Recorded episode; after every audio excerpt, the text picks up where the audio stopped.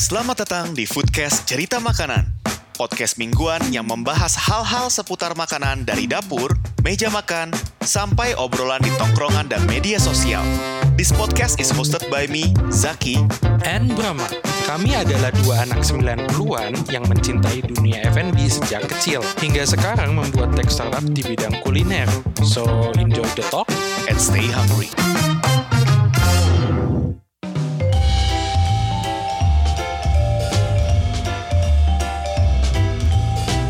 Kembali lagi di Foodcast Cerita Makanan bersama gue Zaki. dan Brahma. Kan kita sekarang udah di akhir tahun 2020 nih Bram. Jadi 2020 kan cukup berat ya untuk kita semua. Tapi kita harus optimis sama 2021. Kira-kira bakal seperti apa nih ke depannya.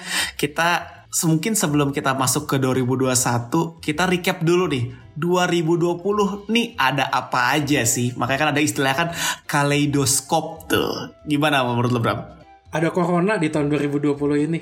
Iya. ya itu capek coy sumpah gue sama berita corona tuh sampai ada zaman lo gue jenuh banget dengerin berita-berita terkait corona nyampe di rumah gue sama eh sorry di kamar gue sama nyokap kalau nyetel TV nyokap gue kan lumayan ini ya lagi banyak beban pikirannya cukup banyak. Stres gara-gara corona juga bikin kondisi fisikal nyokap gue turun. Makanya biar nyokap gue gak stres sama berita-berita corona itu sampai TV di rumah. Gue set cuman buat nonton Korea semua. Oke, tapi ada masa-masanya waktu corona itu kan lu juga sempat lumayan parno kan? Mungkin karena lu lebih banyak baca berita COVID, COVID, COVID kayak gitu kan? Iya. Sedangkan eh gua sih udah sangat membatasi kok karena waktu itu pas pada posisi lagi corona tuh gua lagi di luar negeri kan ya? Iya, lu lagi Jepang waktu itu. eh dan di waktu itu tuh Jepang tuh lagi naik juga kan kasus covidnya Mm-mm. ya kayak gitu jadi mungkin karena gua yang udah udah ngalamin duluan kali ya waktu gua pas di sana kan akhirnya pas gua baru balik tuh dekat-dekat gua baru balik tuh akhirnya Indonesia masuk kan ya Iya, iya betul. Orang waktu itu kan lu ketahan di Taiwan ya, di mana ya? Waktu transitnya lu? oh enggak itu gara-gara paspor hilang aja di gua jadi ketahan agak lama Oh, di di mananya di Jepangnya enggak enggak. Pesan lu ke Hong Kong gak sih lu transit? oh itu mah waktu berangkat Zak Oh, tuh berangkat ya? Iya, iya, iya. Waktu berangkat tuh gini, jadinya kan eh, tiket gua itu untuk spare bisa jalan-jalan di Hong Kong juga kan. Mhm. Jadi gue udah nge-spare cukup lama gitu. Cuman waktu gue nanya ke petugas di Hong Kongnya gini, bisa keluar, tapi saya nggak ngejamin bisa masuk lagi. kan tai ya, tai loh itu. Saya kesel. Ya gimana lagi di Indonesia juga kita jadi susah kan gara-gara pandemi ini kulineran gak bisa. Tapi gara-gara kulineran gak bisa di 2020 ini jadi banyak orang mulai tren masak di rumah.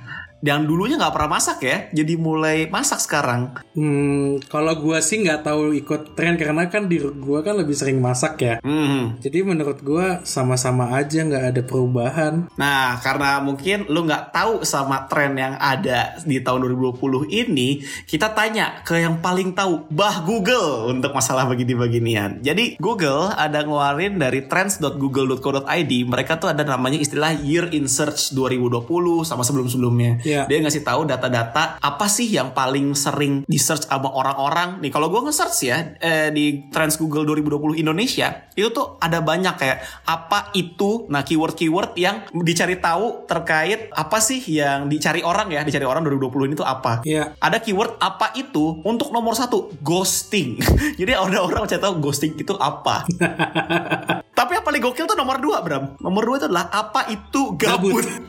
itu gabut banget orang yang mencari tahu apa itu gabut. Tapi menurut gue ya, dengan itu juga ternyata kalau kita ngelihat trends itu, Hmm? banyak orang juga akhirnya beradaptasi kan. Iya. Kayak akhirnya banyak yang cari cara mendaftar jadi UMKM, cara menjadi youtuber pemula, Iya. bahkan sampai kayak yang akhirnya awal-awal tuh yang gue tahu banget, pasti orang tuh banyak penasaran cara bikin hand sanitizer sendiri. Iya, betul betul. Dan sampai ada cara menjadi impostor Among Us.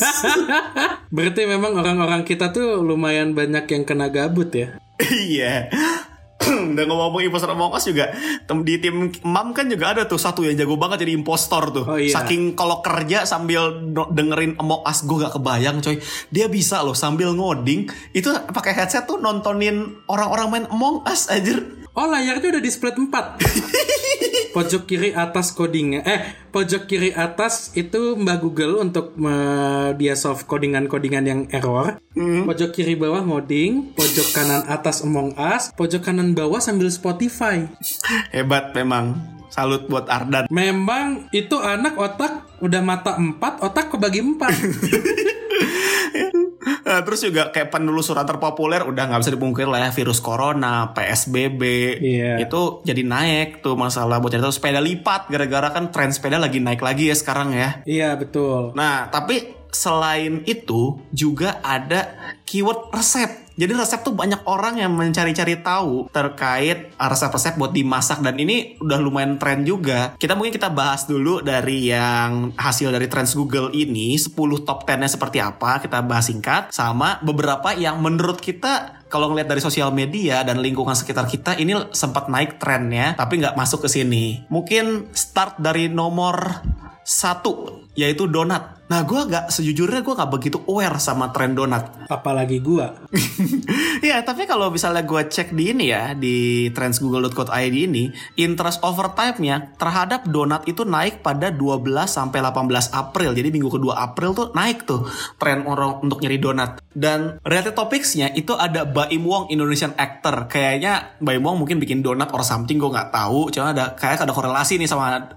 Baim Wong karena ada juga related queries-nya donat Baim Wong spesifik. Oke Terus juga ada bombolone. Nah itu bombolone itu makanan khas mana sih? Tapi gue pernah baca tuh kayak sempat naik. Bombolone eh dia tuh kayak donat goreng gitu Zak Hmm. Gue cuma tahu sampai situ doang sih. Pokoknya tahu gue tuh bombolone tuh di bomboloni, bukan bombo eh, bombolone bomboloni ya. Oh ya bomboloni, bomboloni. Eh ya pokoknya udah pasti feeling gue sih pasti makanan Itali. Mm-mm. Karena nama-namanya agak-agak Itali. Dan itu tuh kemarin tuh kita sempat bahas di Dunkin Donut kan. Oh iya yang pas di episode tim delivery sama tim masak di rumah kita nggak bahas donat. Iya, eh, nah kan lu lu suka yang ada feelingnya di dalam kan? Hmm. Itu bomboloni dan kalau nggak salah itu digoreng. ya emang donat kan dasarnya digoreng. Enggak juga. Nah, donat kan digoreng pak. Rata-rata di deep fried sih. Ya goreng dong. Judulnya deep fried kan goreng. Iya iya iya iya. Aduh kenapa ya otak gue aneh kenapa malah donat nggak digoreng ya? Aduh goblok banget ya Allah. Oh iya iya ya bomboloni. Oh pak dia pakai eh, ini ya pakai casting sugar gitu ya di atasnya. Oh ya dan kedua juga punya kan modal-modal kayak gitu.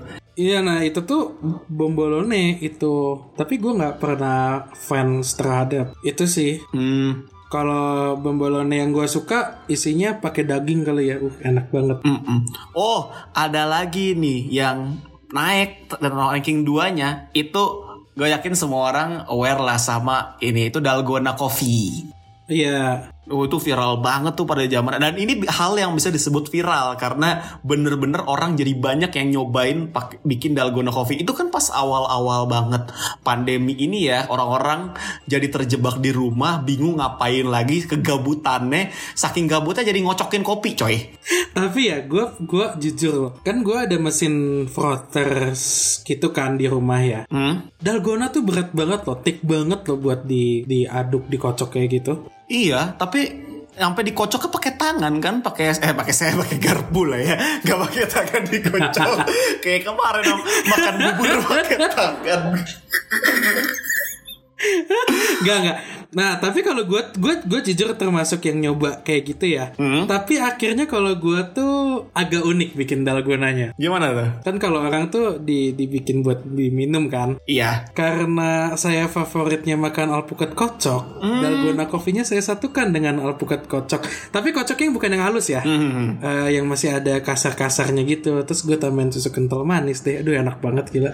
Uh, iya iya, dalgona coffee kan sebenarnya ngo ngocok dari instant coffee mix kan? Iya. Kopi mix gitu kan dia, pakai gula sama Nescafe.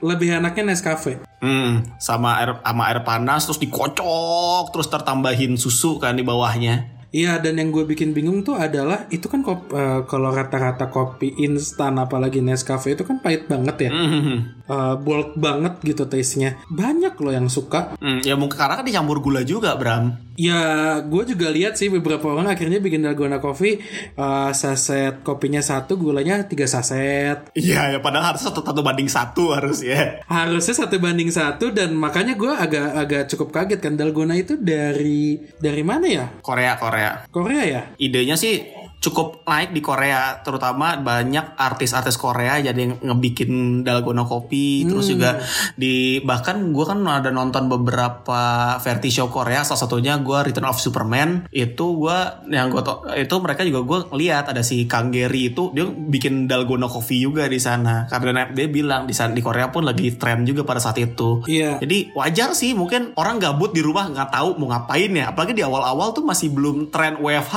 loh. Masih trennya pada di, akhirnya diliburin dulu sementara waktu. Jadi gegabut aja gitu ngapain. Trennya tuh ini Zak, Hmm? hashtag di rumah aja awal-awal. Mm-mm. Ya kapan lagi bisa jadi superhero dengan hanya bermodal rebahan. Terus yang ketiga itu gue feeling kalau ngikutin timeline itu pasti Odading. Oh dading mang oleh dong. Yang kemarin-kemarin kita mau nyoba ke sana tapi gara-gara rame banget ah ogah males ke sana. Gue enggak sih Zak sebenarnya. Sama, karena gue juga udah makan odading ya karena odading juga udah lama juga sih. Itu makanan khas Bandung juga, Jawa Barat lah ya. Sepaket sama cakwe kan. Oh personal opinion gue ya, Hmm? personal opinion gue. Kalau buat gue pribadi terhadap sesuatu yang viral itu pasti nggak enak buat gue. Jadi bukannya gue nggak mau coba. Satu kita kan lagi pandemi kan, Iya, dan di sana rame banget. arah rame banget. Dan gue sangat meragukan protokol kesehatan ngantri panjangnya itu karena mepet-mepet. Mm-mm. Itu gue siapa namanya yang eh, seperti jadi Iron Man siapa namanya? Mang Oleh kan? Ya Mang Olehnya kan. Bukan, Mang Oleh tuh yang jual odadingnya. Oh iya, ini eh, Ade Londo, Ade Iya. Londo ya. Heeh, si Ade Londonya itu tuh yang anjing banget. Jadi seperti jadi Iron Man. Suara lu mirip Zak. Hmm, jangan dong. Coba dong, lu bikin eh, promoin eh, promoin emam nggak, pakai cara Mang Ade Londo. Nggak, Suara lu mirip. Gak, gak, gak siap gue gak pakai Thor ini gak ada di Thor. capek coy, sumpah ngedit episode yang sebelum itu capek banget asli. Mana gue pakai ada kejadian file hilang lagi kan. Ah, ya udah tapi semoga buat pendengar foodcast cerita makanan suka sama hasil editan yang terakhir karena ya I think untuk ke beberapa waktu ke depan ya kualitas kita udah standarnya seperti itu udah ya insya Allah bisa konsisten lah jadwal uploadnya. Apalagi bisa jadi kita ada upload seminggu dua kali. Kan kita nggak tahu ya. Oh iya iya iya. Betul betul. Ya, cuman eh tapi bahas odading dulu Odading itu asalnya dari penjual cakwe kan? Iya, jadi kalau di Bandung ya, gue sih nggak kayak nggak tahu. Kalau di Jakarta kan jualan cakwe itu ya cuman cakwe doang. Biasanya pakai bumbu asam manis pedes itu kan yang kuahnya. Yang pakai nanas kalau yang asli. Oh iya, gue nggak tahu kalau pakai nanas tuh. Cuman kalau di Bandung itu tuh yang gue paling inget pertama kalinya gue aware bahwa ada orang jualan cakwe dan odading itu adalah yang di Tubagus Ismail, Bram. Hmm, iya iya iya iya. Jadi benar-benar habis dari Jalan Dago belok ke kiri itu kalau malam dulu cuma jualannya malam doang dan benar-benar tengah malam jam setengah 12 eh jam 12 lewat itu baru jualan gitu. Iya gue suka ke situ juga kok Zak. Iya dia jualan cakwe sama odading doang tapi rame nggak ketulungan. Dengar-dengar sih dia juga jualan cakwenya itu buat yang beli ya itu juga tukang-tukang jualan kayak tukang bubur yang butuh cakwe segala macam pada banyak yang beli dia juga. Oh. Tapi banyak yang orang beli ke situ cuman buat ngemilin. Gue salah satunya zaman-zaman dulu gue kuliah S1 tuh sering banget kayak ya kan kuliah segala macam terus malam kan biasalah or- buat organisasi segala ini ada meeting-meeting Mm-mm. sama ya biar mau pemilu kan gue mau sama tim ses segala macam mau begadang meeting internal dulu buat stok uh, untuk stok kalorinya Iya. beli itu beli cakwe odading terus beli buat tambahan biar meleknya Joshua extra jos susu air. Oh, bukan yang pakai susu ya? Eh, udah pakai susu ya? Sorry, gue lupa. Pakai susu, susu kental manis, pakai susu kental manis. Iya, itu enak banget sih emang. itu enak banget, tapi dosa banget ginjal apa nasibnya gue dulu minumin gituan mulu. Tapi gue bingung ya kalau asal usul odading itu, gue pernah tuh udah lama sih baca di IG, gue nggak tahu bener apa enggak. Odading itu emang katanya tuh dari bahasa Belanda. Oh iya, Iya, koreksi gue kalau salah. apa tuh? bahasa Belandanya apa? Odading. Bahasanya odading. Odading. Oh, gue nggak tahu. Gue Belanda ya. Gue belum ke, kan lagi pandemi. Gue nggak bisa ke ini ke kafe langganan gue. Gue nggak bisa ngobrol sama ownernya orang Belanda. Ah, Nanti lah kalau misalnya pandemi udah rada-reda, gue mampir ke sana. Gue ngobrol lagi. Enggak enggak. Jadi odading itu memang kata bahasa Belanda tapi jadinya slang karena eh, waktu zaman VOC ada di kita. karena kan basicnya odading itu roti goreng kan.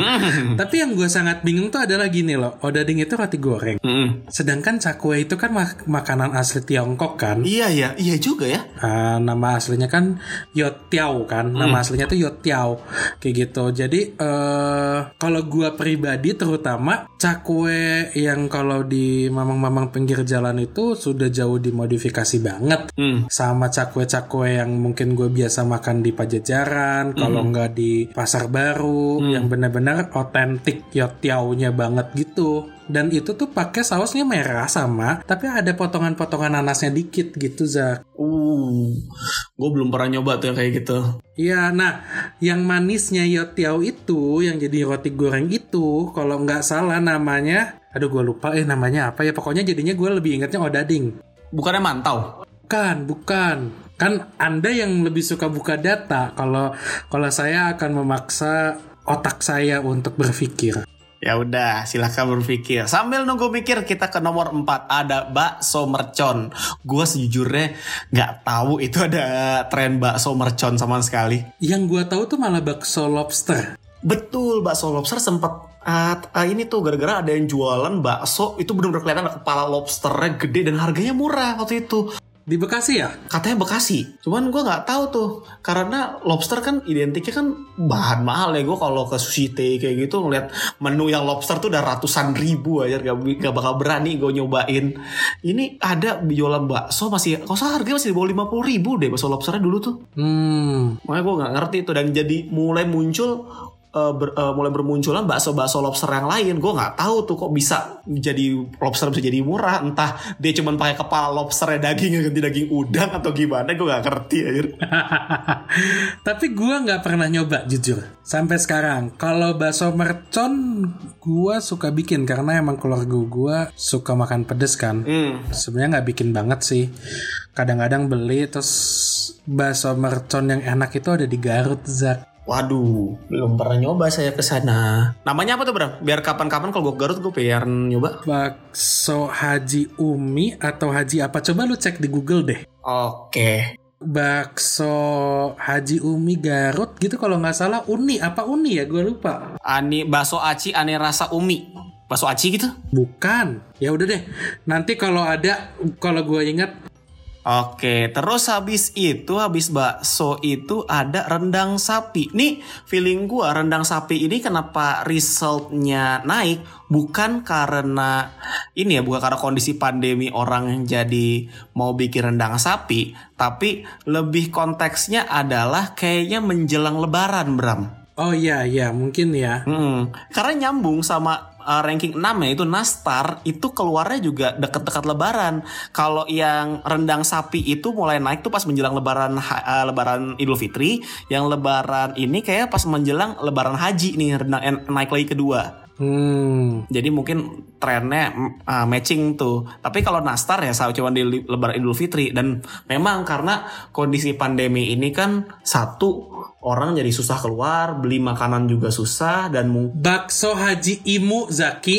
Imu, oke. Nanti bolehlah kalau misalnya pandemi udah reda bisa ke Garut, saya coba eh, bakso itu. Nah, balik lagi ke rendang sama nastar tadi ya.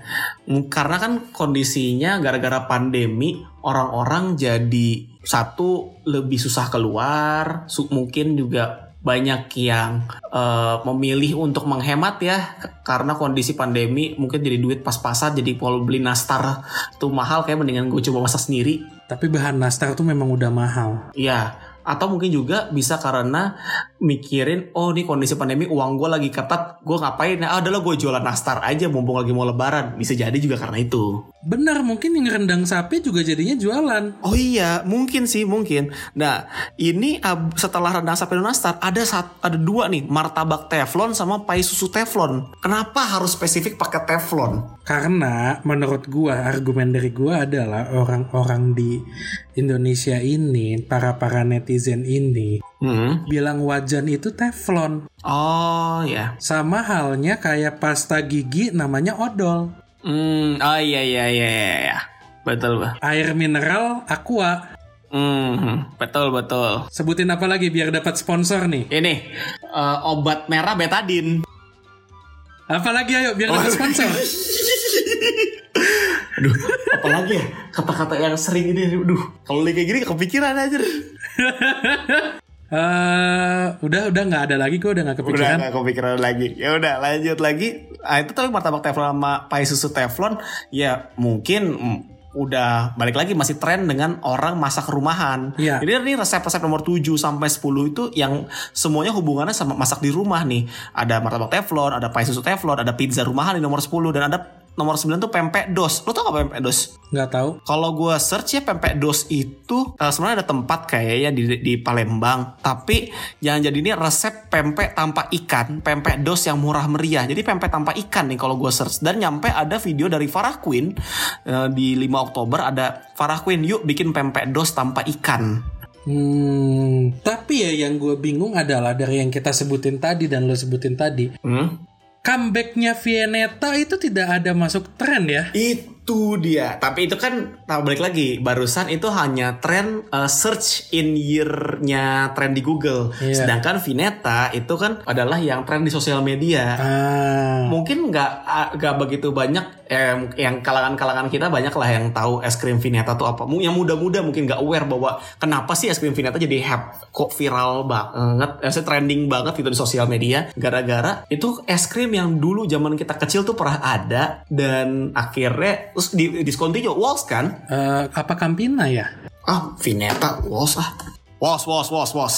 Tapi gua ma gua gua ada satu nggak setuju sih karena kan gue emang masih muda. Hmm. Jadi lu jangan narik-narik gua Zak. Umur gua malu cuma beda 3 tahun brengsek. Eh, tiga tahun ngaku-ngaku nggak ada fakta kalau beda tiga tahun. Gua klarifikasi bedanya tujuh tahun. Mana ada lu 96 gue mau gue bacain nomor KTP lo nih gue punya data KTP lo Ya kan bisa aja orang-orang itu kan bisa memalsukan akte kelahiran. nggak apa-apa bisa dicek ke Dukcapil nomor KTP ya Brahma adalah tiga Wah gila lo. Enggak, enggak, gua lahirnya itu berdasarkan weton. nggak beton Oke, balik lagi ya. Balik lagi nih. Nah, jadi Walls ya, Vianeta. bos bos Vineta bos Ah. Terus kok nggak ngomong, Zak? gue pikir lo mau ngomong anjing Lo liat podcast gak sih? gue pikir lo yang mau ngomong barusan ini nih efeknya tapping remote tuh paling gak, gak enak nah tapi eh, terkait Vineta sebenarnya ada tren satu lagi ya sempet trending tapi ada hubungannya sama Vineta yang menurut gue itu adalah penistaan Apa tuh? Jadi kemarin-kemarin sempat ada tren bubur pakai nasi. Kan kita udah pernah bahas ya. Di episode debat bubur diaduk atau tidak diaduk, Iya. kita ada ngebahas ada sekte-sekte lain seperti bubur pakai nasi yang di mana desainer dari Foodcast cerita makanan itu Anggara dia adalah pemakan bubur pakai nasi. Ya, memang gua nggak ngerti logikanya itu. Nah, tapi ada yang lebih di luar nalar yaitu vinetanya dimakan pakai nasi. Gue pernah lihat di sosmed coy. Gua langsung kebayang sesuatu sih Zak jadinya. Apa itu? Itu sama aja ya, kayak lu makan bubur pakai nasi, kerupuknya pakai rengginan. Tapi masih kayak itu masih nyambung bro, masih masih genre asin semua ini. Itu tapi itu sama-sama nasi semua. Ya tapi yang ini lebih absurd bro, nasi sama pakai es krim. Tapi es krim pakai kentang goreng enak kan, Zak? Nah baru mau ngomong, gue di awal-awal ada ide es krim pakai kentang goreng, gue agak skeptik. Tapi pas gue coba, gue suka. Dan yang kemarin gua kasih daging pakai es krim enak kan Zak? itu gue sebenarnya gue rada-rada gue gak tahu otak gue lagi kesurupan apa lagi kebanyakan makan daging kayaknya jadi Iya. Brahma ngasih usulan makanan gue terima-terima aja gue lagi makan all you can eat sama Brahma lagi tempat makan Korean barbecue namanya Oharang di situ gara-gara di yang di meja gua kan gua mau berapa kan beda me- mejanya nyambung tapi beda bakaran kan Iya. yang kelas beratnya dibagi dua biar imbang nah gua yang di meja gua kebetulan anak-anaknya pada tumbang semua daging masih banyak jadilah harus gue ngabisin kan Iya. kalau karena saya tidak mau bayar charge gara-gara ada daging sisa harus semua harus habis Terus? Nah gue udah kayak udah semi-semi enak gue makan dagingnya. Tiba-tiba yang di meja sebelah itu udah mesen dessert es krim. Terus berapa bilang, Zak coba deh pakai es krim dagingnya. Gue kayak mikir, eh anjing es krim daging pakai es krim tuh gimana? Tapi gue berusaha open minded karena gue udah mencoba kentang goreng pakai es krim, es krim vanilla. Jadilah gue coba dan somehow masuk. Gue gak tahu entah gue yang kesurupan atau gimana. Tapi saat itu gue bisa makan dan gue jadi nafsu makan lagi. Ya jadi dagingnya jadi habis akhirnya waktu itu. Enak kan? iya. Tapi kok bisa ya? Nggak, sama halnya kayak kita makan sate kan pakai bumbu kec eh bumbu kacang. Kacang itu thick dan manis. Hmm. Yang ada di Indonesia kan. iya iya iya. Nah, jadi gua tuh sampai punya teori gini, menyatukan yang berlemak, hmm. kayak daging itu kan berlemak, Hmm. sama yang manis itu enak. Oke iya sih jadi Iya kan? banyak kan masakan-masakan daging pakai bumbu asam manis kan sebenarnya banyak juga Ya, Nah, tap, nyambung lagi masa terkait manis-manis sempat eh, naik juga dan ini nyambung sama home industry di rumahan itu dessert box yang gua sempat bingung kenapa ini viral. gua merasakan makan dessert box itu malah jauh sebelum pandemi. Iya, padahal eh, kata temen gua itu dessert box tuh udah lama nih sebelum pandemi, cuman gara-gara pandemi ini jadi naik lagi untuk penjualan dessert box. Itu kan konsepnya kan bikin flash susu dulu, terus pokoknya gue yang gue inget itu adalah kadang sempat ramai itu pakai eh, pakai regal juga, terus pakai oreo, pakai banyak lah variasi-variasi manis-manisnya kan. Ya, bahkan ada yang Nutella. Mm-mm. Untuk Nutella tuh wajar gue karena pada dasarnya gue gak begitu suka makanan manis gue rada-rada mikir buat makan dessert eh, buat makan dessert box. Tapi kok pernah nyoba satu sih ya lumayan sih emang enak sih kalau gue lagi craving manis ya. Tapi gue dasarnya lidahnya yaitu gue harus mengombinasikan antara manis sama asin. Dan ini yang termasuk lagi viral lately itu adalah Korean garlic cheese bread. Gua waktu itu gue pernah makan sama lu kan yang Korean garlic cheese bread? Mana kapan di Bodas, di Oh, Bodas it, Zaki. it croissant. Itu bukan pakai bukan pakai Korean garlic cheese bread, tapi dia pakai croissant. Tapi taste-nya kurang lebih mirip kan? Ah, gue udah nyoba akhirnya. Gue udah nyoba di beberapa bakery. Oh, oke. Untuk Korean garlic cheese bread itu gue nyoba saat sampai sekarang top tier gue itu di ini di Papaya Supermarket kan ada bakery namanya Komugi.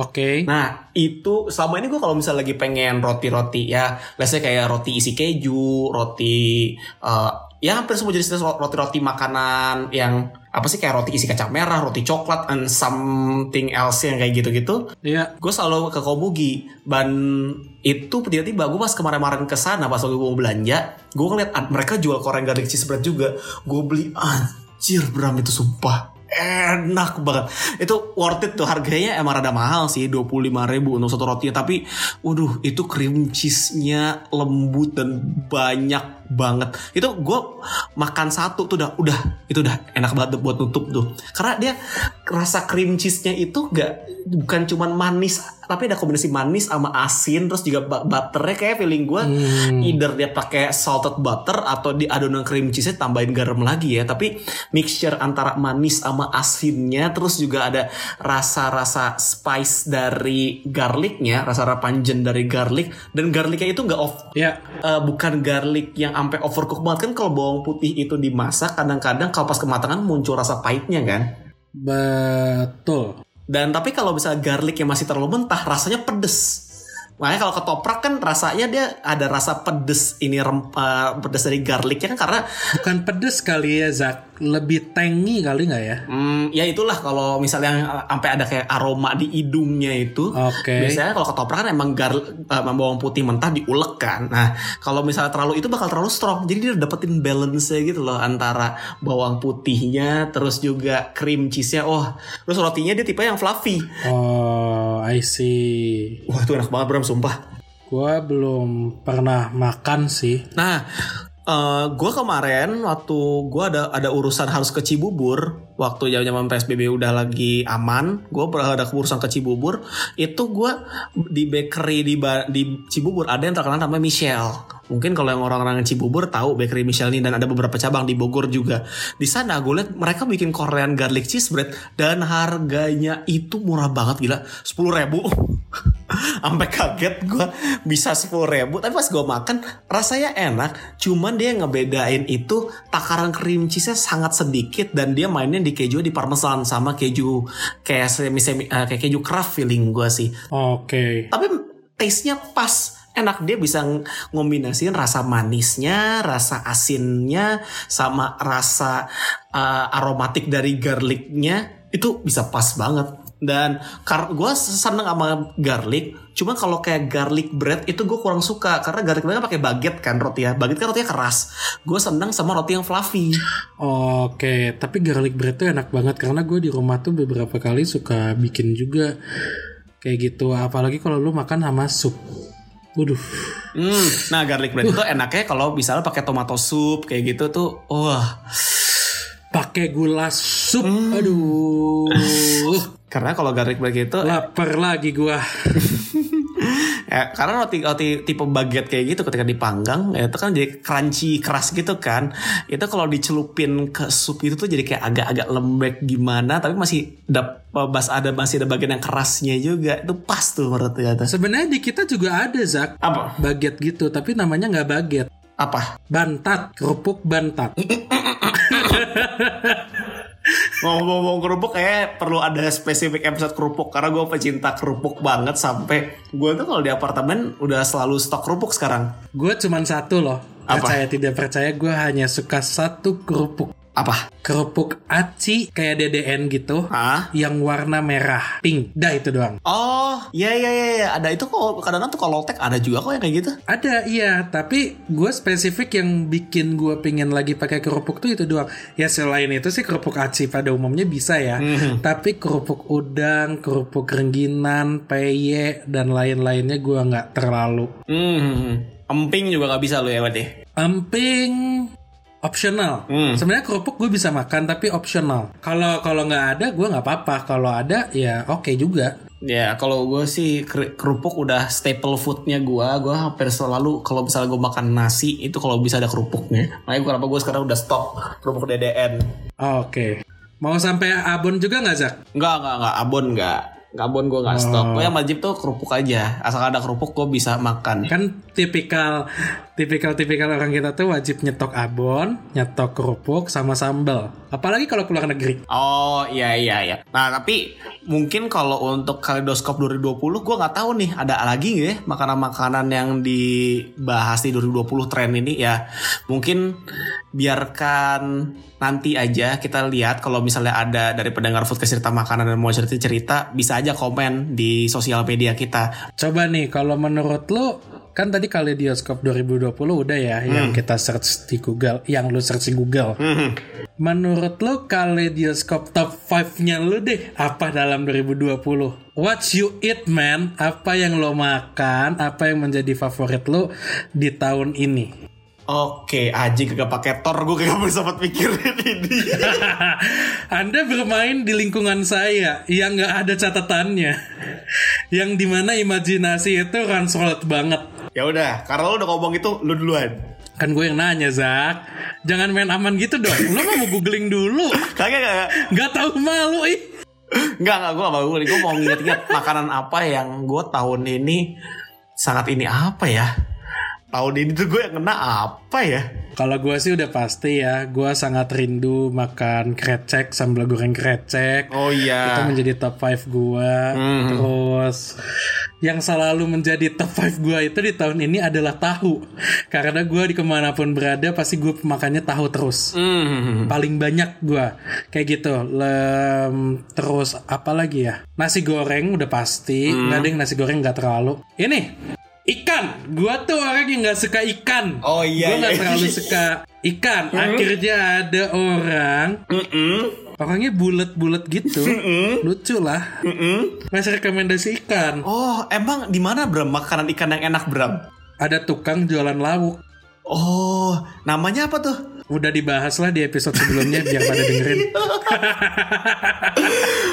Aduh. Aduh ini Mas mau Mas Iki, Kang Apri ini kalau denger nih udah kita mention berkali-kali loh. Kita belum ke sana lagi. Nanti lah ya situasi pandemi udah reda kita mampir lagi ke sana. Ya, nah gue sekali, nah terus abis itu kan gue tadi udah ada ya tahu, sambal goreng krecek, Cek, ikan, ikan laut, Hah? terus apa lagi ya? Oh, ini dong sup menjadi top 5 gue. Sup, gula sup. Yoi dan perdagingan Hmm. kayak gitu. Tidak lupa mie ayam, jangan salah. Mie ayam lu makan di mana? Tahun ini gue banyak banget kangen makan mie ayam. Oh, Gue nggak sering, gue nggak sering tahun ini. Cuman eh, jadi di dekat rumah gue tuh ada pedagang mie ayam yang menurut gue tuh enak. hmm. Terutama dia bikin pangsitnya. Oke.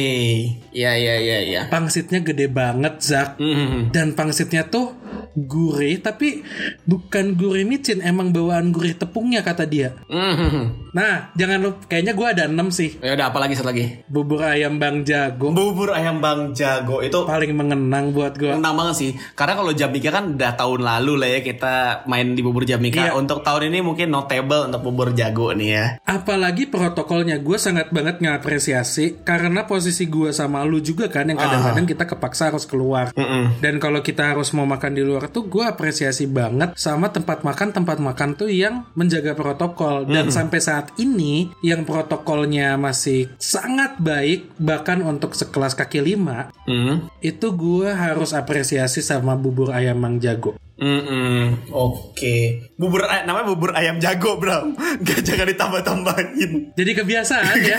Karena emang mangnya jagoan banget buat gua. Hebat lah. Iya asli tuh. Asli enak banget. Gue juga protokolnya Ini gue juga tenang makan di sana tuh Setuju.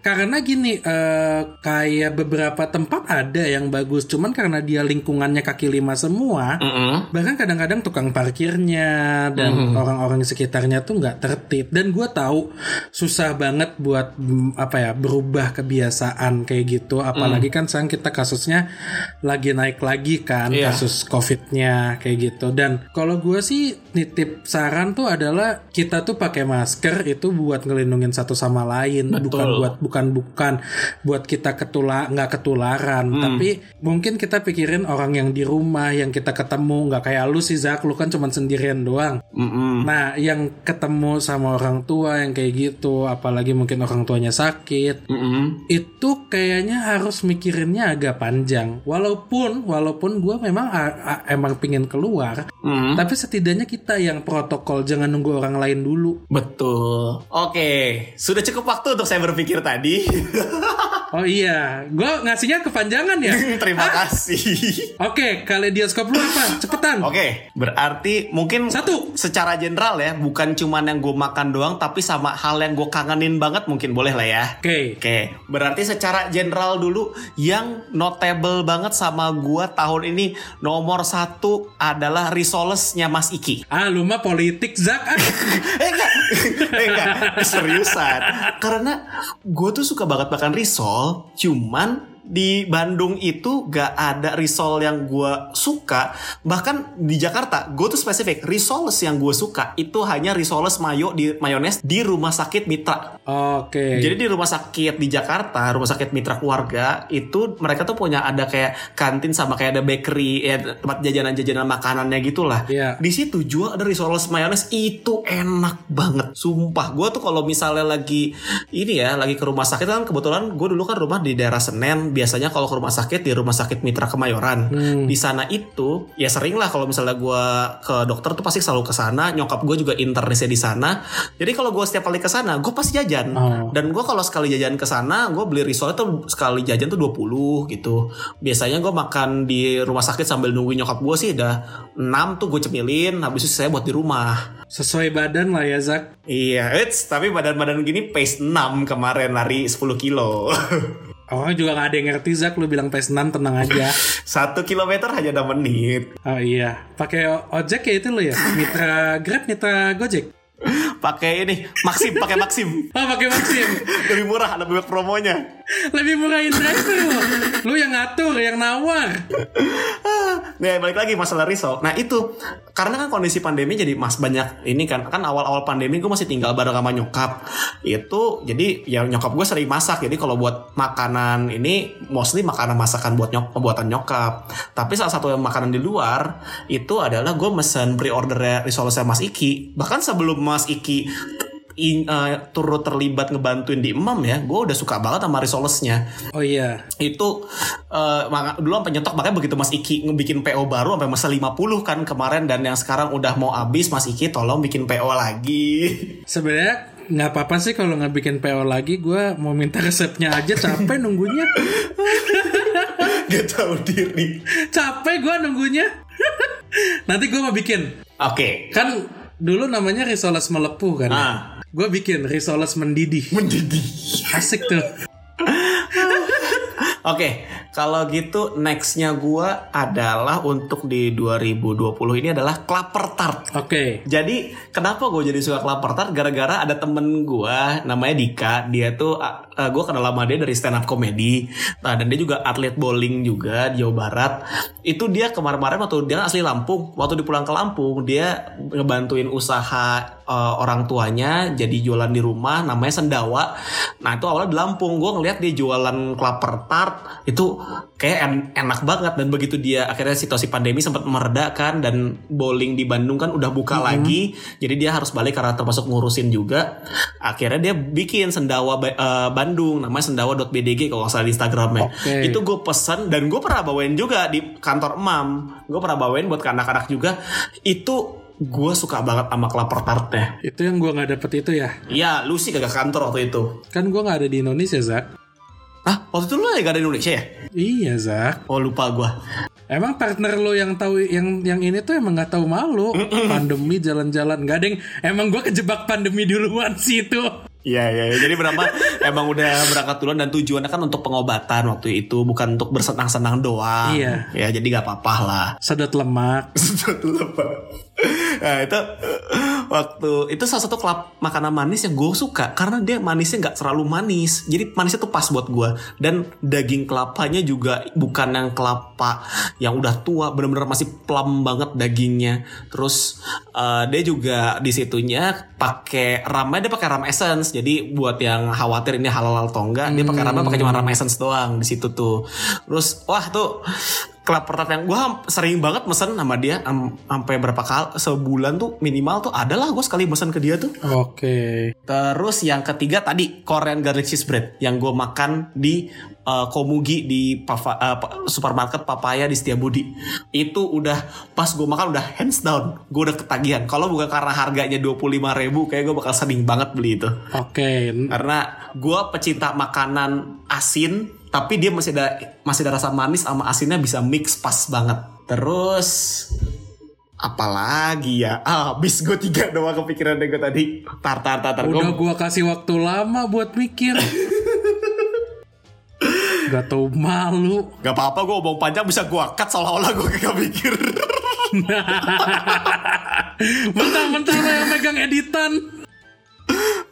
Ntar gue mikir dulu bentar Haji apa lagi Aduh.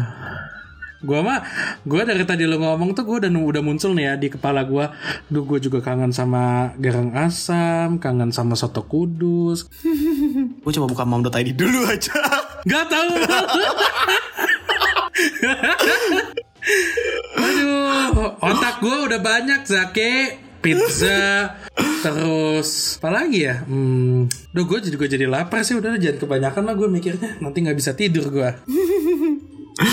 Nah, jadi yang berikutnya nomor 4 itu gue ada sop kaki kambing di Jalan Jawa. Seberang nasi goreng Madonna, langganan kita juga yang sering makan. Di depannya itu ada sop kaki kambing yang menurut gue secara taste sama harga paling worth it. Yang kemarin lo ke sana ya Zak? Iya, yang gue datang ke sana buat diinput di Emam waktu zaman pandemi lagi lagi mereda, gue kan harus ke sana untuk visit buat input makanan di Emam ya. Gue nyamperin ke sana waktu itu. Oh iya. Sop kaki kambing yang di Jalan Jawa itu paling balance harganya masih range 20 sampai 30 awal. Karena di Bandung kan sebenarnya banyak ya sop kaki kambing yang jualan kayak yang kita dulu sering di Bancoy apa apa apa gue lupa saking lamanya M Syam. M Syam cuman M Syam kan harganya nggak ketulungannya mahal ya Enggak. lu makan di sana terakhir kali berapa berapa ribu Bram Zaki, kalau untuk makanan enak itu tidak ada kata mahal. Ikutin dong kayak kayak teman kita Anggara. Makan di Zenbu 150 ribu sendiri. duh duh duh duh Iya kan? Makan sop kaki, eh, makan mie kocok 80 ribu sendiri. Itu orang dedikasi makan mahal. Padahal yang ngajaknya aja cuman makan 30 ribu. Nah itu sop kaki yang di Jalan Jawa itu termasuk yang gue suka karena rasa eh, kuahnya juga santannya enak, Iya. terus juga da- da- potongan dagingnya juga pas sih menurut gue nggak nggak bau merengus karena ada beberapa yang satu sop kaki kambing tuh baunya merengus gitu. Oke oke. Jadi menurut gue tuh paling pas lah. Dan yang surprisingly sate kambing di situnya lumayan enak gitu untuk harga segitu ya. Oke. Dan yang kelima, gue baru nemu kemarin itu namanya gudeg Yunap. Gue tahu tuh udah lama, tapi gue baru tahu ada di, eh, namanya gudeg Yunap yang di depan Bobo Box, Bram. Iya gue tahu Zak. Heeh. Oh lu suka manis soalnya. Iya, karena gue suka yang manis. Dan di situ gudegnya taste-nya agak-agak mirip kayak yukjum, tapi nggak sekering yukjum. Hmm. Gudegnya dan kreceknya juga gue suka, gue suka karena kayak fluffy kenyalnya tuh pas gitu. Iya. Dan yang satu yang gue suka di situ adalah ada mangut di situ. Oh mangut lele. Enggak, mangut ini eh par pari patin sih gue gue lupa sih. Pari kalau nggak salah. Ada namanya mangut iwak peh. Jadi itu ikan pari asap dengan kuah santan. Itu pedas. Hmm. Yaitu mang- eh, mangut kan dia jadi mangut itu tuh kayak ikan pari diasap terus eh, kalau lu kalau makan tuh kerasa loh smoky-nya tuh kerasa banget dan kuahnya juga pedes makanya tuh kalau misalnya yang suka pedes itu mungkin bisa dicoba tuh gudeg Yunap itu juga ada di GoFood tuh tar gue cek di emam.id oh ada dapat dipesan melalui GoFood ada di sini informasinya Keren ya mam. Oh keren dong. ya udahlah untuk Kaleidoskop 2020 ini kita 2020 ada banyak ups and down. Banyaknya downnya sih kondisinya. Kayak semua orang pada kena dampak ya semoga di tahun 2021 ini bakal jadi lebih baik atau setidaknya jangan lebih buruk daripada sekarang. Oh iya. ya kita coba lebih optimis dan untuk menyambut 2020 eh 2021 nanti. Sekian untuk episode Kaleidoskop Makanan 2020. Semoga kalian suka dengan episode kali ini. Kalau kalian suka, silahkan follow Foodcast Cerita Makanan di platform podcast yang kalian suka. Sekarang kita sudah ada di hampir semua platform podcast. Kami ada di Spotify, Anchor, Google Podcast, Apple Podcast, dan lain-lain. Dan jangan lupa juga untuk di-share ketika kalian dengerin di Spotify. Itu ada tombol di kanan bawah, ada tombol share dan share ke Instagram Stories. Untuk mention kita juga di eh, bisa di Twitter di cerita underscore makanan. Instagram Foodcast Cerita Makanan Instagram gue zaki.muhammad. dan Instagram gua Ramadan Brahma. Thank you for listening to this episode. Until next time. Stay hungry.